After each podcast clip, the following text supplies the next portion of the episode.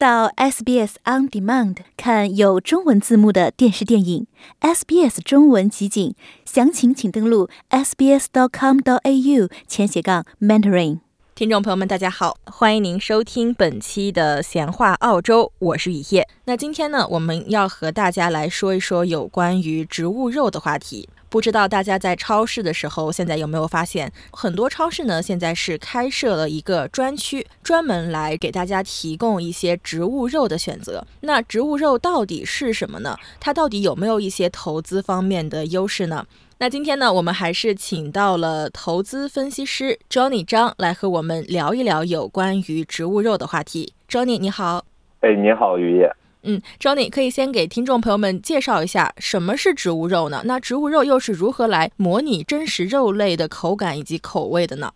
哎，好的。呃，首先呢，其实植物肉呢，简单的来说，是从我们所熟知的一些植物，比如说大豆、豌豆、小麦。啊，等一些这种我们经常吃到的一些这种粮食作物中去提取出来的植物蛋白，然后我们把它的这个原料进行加工，然后加工之后呢，使它具备一些这个动物的肉制品的口感和质地。那通常来说呢，呃，市面上我们可以看到有很多的一些品牌在做植物肉，但是这里首先我想要强调的是，就是说。呃，植物肉的一个如何去还原真实肉类的口感和味道，可以说一切取决于技术。那不同的植物肉公司在模拟不同的这个肉类口感以及味道的方面，其实他们都会有自己独家的一些方法和专利。这里我们可以来讨论一下两家已经非常成熟化的植物肉技术领军企业，比如说 Beyond Meat 和 Impossible Foods。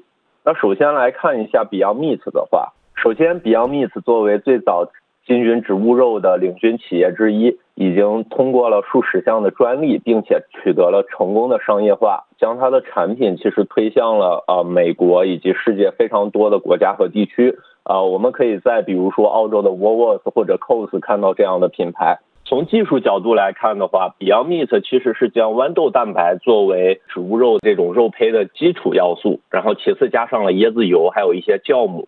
包括一些竹纤维，然后这些技术的混合呢，来做出一个呃模仿牛肉的口感。那我们也知道肉其实会有一些血红色，那对于 Beyond Meat 来说，它把一些甜菜的红色啊加在了这样的一个植物肉中，让它所做出来的这个植物肉看起来尽可能的像真肉。但是这个公司呢，虽然产品已经上线了有很多年了啊，我们也可以看到，根据一些消费者的一些反馈啊，我们会发现，那 Beyond Meat 在咀嚼的口感和肉类的真实味道的模仿程度来看，其实与真肉会有一定的差距。所以在消费者的这个反馈来说呢，处于一个中等的水平。那接下来我们来看。近期就是在三月份登陆在澳洲最大的连锁超市 Woolworths 的 Impossible Foods。那后者来说的话，Impossible Foods 它其实拥有了一个上百项的专利。那它呢，其实最有特征的专利呢，是它有一个独家的血红蛋白酵母提炼技术，包括植物分子的一个重组技术，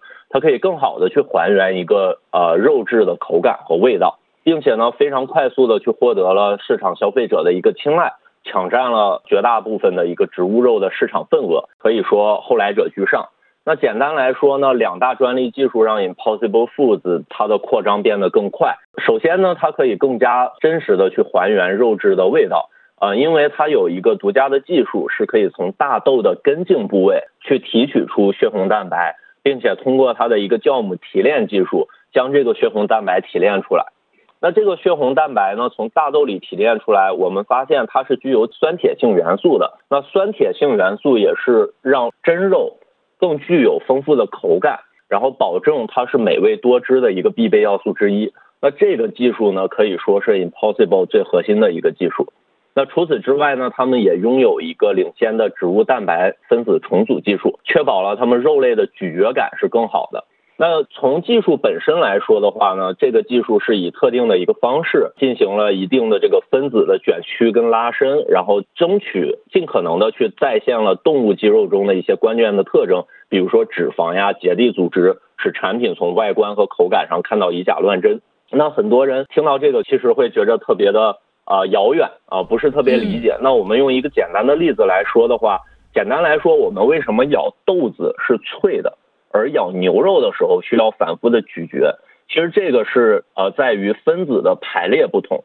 因为豆子它的一个分子是垂直有序排列的，所以我们一咬它就会崩开。那肉呢是一个交叉的排列的这样一个分子，所以我们需要反复的咀嚼。那 impossible 呢就相当于是它把豆子这样的一个分子进行了一个重组，然后重组成了一个交叉的排序。那这种情况呢，它可以尽可能的去模仿到肉类的咀嚼感。嗯，刚才那个例子真的是非常的接地气啊。那刚才我们是说到了植物肉的口感以及味道，那如果是从营养成分的角度来说，植物肉是不是跟这个真实的肉类营养成分也是很相似呢？嗯，这是一个很好的问题。其实很多人在吃植物肉的时候都会去思考。因为我们本身吃肉的时候是要满足呃身体的一部分的营养需求的，嗯，比如说我们对脂肪、蛋白质，然后等等的一些需求。那在这里呢，我首先其实还是想强调的是，一切取决于技术。不同的植物肉公司呢，会在制造植物肉的时候，在营养参数方面会有一些显著的差异。但是我们发现一些龙头的科技企业，他们通过不断的多年的一个研发。在植物肉的这个营养参数方面，已经取得了非常不错的成绩，甚至在部分的营养指标方面是优于传统肉类的。比如说，植物肉会拥有更多的膳食纤维和更低的饱和脂肪啊。那在这些参数方面呢，它是遥遥领先我们传统的牛肉、猪肉或者是鸡肉的。那这里我们举一个例子，比如说 Impossible Foods。那 Impossible Foods 呢，通过一个官方的认证，它的卡路里呢。每一个牛肉饼的卡路里大概是二百四十卡路里，那每一个普通牛肉饼呢是接近两百九十卡路里。那除此之外呢，它的蛋白质含量每四盎司的牛肉饼，它的蛋白质含量是二十克，包括 Beyond Meat 也是二十克。那我们传统的牛肉饼呢，四盎司也是二十克，所以它们是相当的。那在这个情况下，大家如果去摄入植物肉的话，其实不会去担心蛋白质含量的一个差异。但是我们这里有一些值得注意的点，Impossible Foods 呃和 Beyond Meat 呢，他们在胆固醇、脂肪这些含量上其实是优于我们普通肉类的啊。为什么这样说呢？因为经过一些官方的测试来看，Impossible Foods 和 Beyond Meat 它们的胆固醇含量均为零，而我们的普通牛肉每四盎司的牛肉饼是高达八十克。那我们也知道，过度的摄入肉类。会导致我们可能会产生一系列的慢性疾病，比如说高胆固醇等。那在这些营养指标参数中呢，我们总结来看，植物肉像 Impossible Foods 和 Beyond Meat 这样一些龙头企业公司，他们提供的产品具有低卡路里、零胆固醇、低脂肪啊等一系列比较好的参数指标。那这些都是优于传统肉类的。除此之外呢，我们在摄入肉类的时候，我们会发现肉类中其实是是没有纤维的。但是由于我们的植物肉呢是通过一些植物来创造的，所以我们在摄取植物肉的时候也会摄取相对应的纤维。除此之外呢，我们也发现，在一些植物肉中，微量元素其实会与普通牛肉也达到一个相同的水平，甚至可以更高。那这里举一个例子，比如说我们在吃肉的时候，会更多的去考虑，比如说肉类中是否会给我们带来一些铁离子元素。那根据官方的测试呢，Impossible Foods 它所带来的铁离子元素，它的含量其实是高于普通牛肉的。那根据以上我们所说的这些数据来看呢，其实，在植物肉方面，一些领军企业已经解决掉了呃植物肉与真肉营养参数之间的一些问题。嗯，那从这个角度来看，看来植物肉能占据一定的市场比例，还是有它的优势所在的呀。正如前面所说的，现在澳洲的很多货架上也是引入了植物肉。那植物肉为什么现在是越来越受到大众的欢迎，以及受到了更多资本的青睐？那他们关注的技术要素又有哪些呢？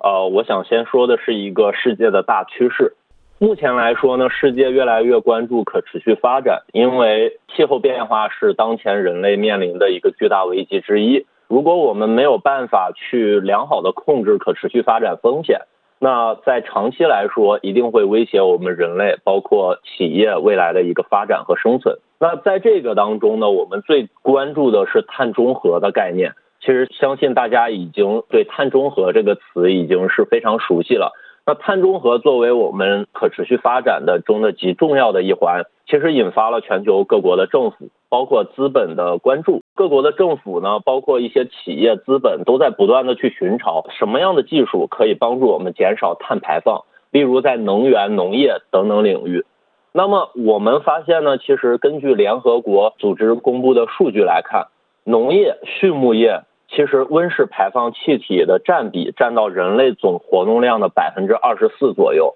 呃，位居第二名。那它也是各类交通设备每年产生的温室气体的一点七倍以上。所以根据这些数据，我们其实可以理解到，如果我们没有办法提供一个有效的食品解决科技方案，或者是农业科技解决方案，碳中和的目标其实是较难实现的。那在这个情况下呢，很多的国家政府、科研组织，包括一些资本，都在不断的去寻找优质的畜牧业和农业的领域的科技技术公司。那这个时候呢，植物肉的食品科技企业就显得更加为重要，也引起了多方的关注。那在这里，我们其实会有一个共识，无论是从技术层面，还是从资本层面。我们认为，其实奠定优质的植物肉企业会有三大特质。第一大特质呢是 ESG，那这个呢就是我们经常说的环保、社会治理三大要素所带来的巨大的一个行业和产业的风口。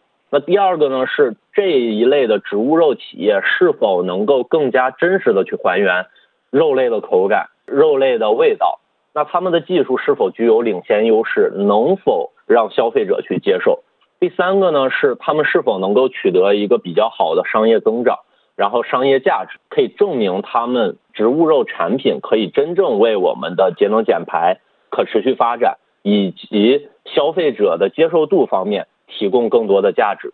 那其实正如我们前面所说，后面两点呢其实是相辅相成的。那最难突破的呢其实是技术的壁垒。但技术的壁垒呢，也是去保障未来商业发展前景的一个核心。嗯，那我们再回到这个环境保护上面啊，其实我也是非常同意 Johnny 所说的。那澳洲作为传统的畜牧业大国呢，肉类人均的消费量也是居世界前位的。在这个方面来说，它的碳排放应该也是在世界应该是前列位置的。那在这个大背景之下呢，植物肉的这个出现也是在一定程度上给澳洲政府提供了一个比较新的解决方案。那虽然说现在很多澳洲的货架上已经是上架了植物肉，植物肉真正在澳洲的接受程度是怎么样的呢？嗯，好，这是一个很好的问题。首先，正如之前所说，澳大利亚呢其实是一个人均碳排放量大国，它的人均碳排放量可以位居世界前三。那其实，在二零二零年，根据澳大利亚的食品协会的调查和报告来看，澳大利亚呢有超过百分之十一点二的人口。属于纯素食和部分素食消费群体。根据二零二一年的一个采访结果来看呢，有超过百分之六十二的受访者是更愿意主动去尝试植物肉的。那他们给出的最核心原因之一是，他们认为消费植物肉会比消费传统肉类更加的健康。因为在受访者中，很多的澳洲人表示，呃，消费更多的植物肉会帮助他们，比如说降低肥胖症。新冠疾病、中风，然后甚至是包括一些啊癌症的风险，以及可以帮助他们延长预期的寿命。那这是他们去选择植物肉的一些核心要素。那除此之外呢？我们根据澳大利亚植物零售行业公布的一些报告来看，二零二零年澳洲零售的植物肉增长其实是超过了百分之五十，总附加值呢也是在贡献度方面超过了百分之六十九。同时，澳大利亚的政府其实也在不断的去鼓励啊，我们去生产植物肉和创造植物肉。比如说，澳洲会有一些本土的品牌，我们叫 V2 Food。那这个呢，是从澳大利亚的呃联邦国家科学实验室走出来的项目。目前呢，也可以在市面上看到。比如说，我们去澳洲版的汉堡王——饥饿的杰克，我们可以找到植物肉汉堡。那里面的植物肉胚呢，是由 V2 Food 来提供的。嗯，那。这一些的产品呢，其实帮助了澳洲在本土的植物肉产品制造和就业方面均出现了一个翻倍的增长。那根据以上的数据呢，我们可以看见，澳洲人整体来说对植物肉的接受程度呢相对较好。那这个呢也会利于该行业未来市场的一个长期发展。嗯，还是有一部分的澳洲人是愿意去尝试，或者甚至是接受，或者是把这个植物肉当成一个肉类的选择来食用的话，那植物肉是不是有一天可以完全取代真肉呢？嗯，这是一个非常有意思的观点，在我们其实看来的话，并不会彻底取代真肉。这里有一个事实，我们需要去承认，因为多数人是爱吃肉的，没错。因为人在基因层面呢，就存在一定程度的这个所谓叫被编码，那指的就是说更加喜爱一些高油脂、高蛋白的食物，因为这些会让人吃起来从味蕾上、从精神上会感觉到更加的享受。那在这个基础之上呢，所以我前面会说到，植物肉不会真正的去取代真实的肉类。但是我们要知道的另外一点是，随着人口的增长以及经济不断的发展，那人们对肉类的需求可以说是与日俱增的。那我这里以中国为例，我们看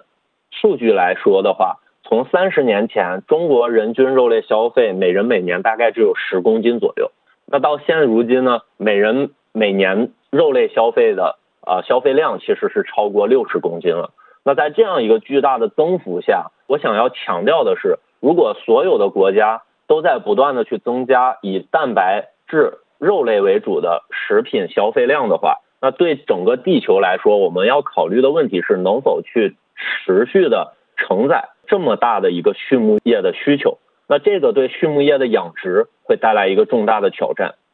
那么在食品科技领域来说的话，其实食品科技是一个有效解决肉类蛋白供应问题的核心解决方案之一，以及畜牧业对资源的消耗和污染的问题。那这个情况下呢，我们再来看，目前来说呢，截止二零二一年，全球市场蛋白的规模已经超过了九千亿美元，那这是每一年的规模。并且呢，我们认为未来五年内会逐步的突破一万亿美元的大关。那我们来想一下，如果说有百分之十的人可以去接受植物肉，去消费植物肉，那在这个情况下，植物肉只获得百分之十的市场穿透率，这就意味着它在未来几年会有一个几百亿甚至是上千亿美元的市场规模。所以，单纯的来看，植物肉的市场，呃，未来前景是非常广大的。但是呢，也正如我前面所说，呃，人类呢是离不开吃真肉的。那植物肉呢，可以作为一个辅助工具，帮助我们降低啊真肉所带来的一些环境污染，同时呢，去缓解我们畜牧业所带来的一些挑战。嗯，那如果是从这个角度来说，植物肉它的好处还是挺多的。那如果是您在超市中看到了植物肉，或者是在刚才像 Johnny 说到的汉堡王中的植物肉汉堡，那您会不会去尝试一下呢？今天呢，我们也是非常感谢金融分析师 Johnny 张来给我们带来有关植物肉的分享。我感觉也是从中学到了很多呀，不仅是这个植物肉的技术储备，更多的是它对环境保护的一个作用。非常的感谢 Johnny。好，感谢雨夜。那正如雨夜所说，其实我们整个传统的畜牧业会带来很多的一些环境问题和资源的消耗。那在这里呢，我想通过一些数据让大家去知道，我们比如说在澳大利亚每生产一公斤的牛肉会带来什么样的一个资源和污染。那根据澳大利亚的这个官方农业局公布的数据，在澳大利亚来说，我们每生产一公斤牛肉会排放九十九点五公斤的二氧化碳。那每一公斤牛肉所需要的土地的使用面积是超过三百平方米。那每一公斤的牛肉，从牛的出生到牛的成熟，再到最后它被宰杀端上我们的餐桌，中间大概会消耗一万五千升的水。那一万五千升的水是一个什么样的概念呢？它大概等于大家去超市买的四万瓶矿泉水的量。那这个四万瓶矿泉水呢，基本上够一个普通人去喝十年。那我们其实可以看到，在我们消费肉类的同时呢，我们消费肉类的背后带来了大量的二氧化碳的排放和大量水资源的一个消耗。那全球的畜牧业的产量每年是以百分之五到百分之十的速度去增长的。那大家也可以去想象一下，我们每年畜牧业带来的二氧化碳的排放增长量会有多大？那根据我们的一个统计呢，全球每年畜牧业的产量增长大概等于澳大利亚每年的全国碳排放量。在这个基础之上，我们认为在可持续发展方面，我们应当更多的去关注食品的和农业方面的一些技术，帮助我们做到更好的节能减排，提高人类可持续的发展。嗯，谢谢。了解澳洲，融入澳洲，欢迎登录 sbs 点 com 点 au 前斜杠 language 前斜杠 mandarin，获取更多澳大利亚新闻和资讯。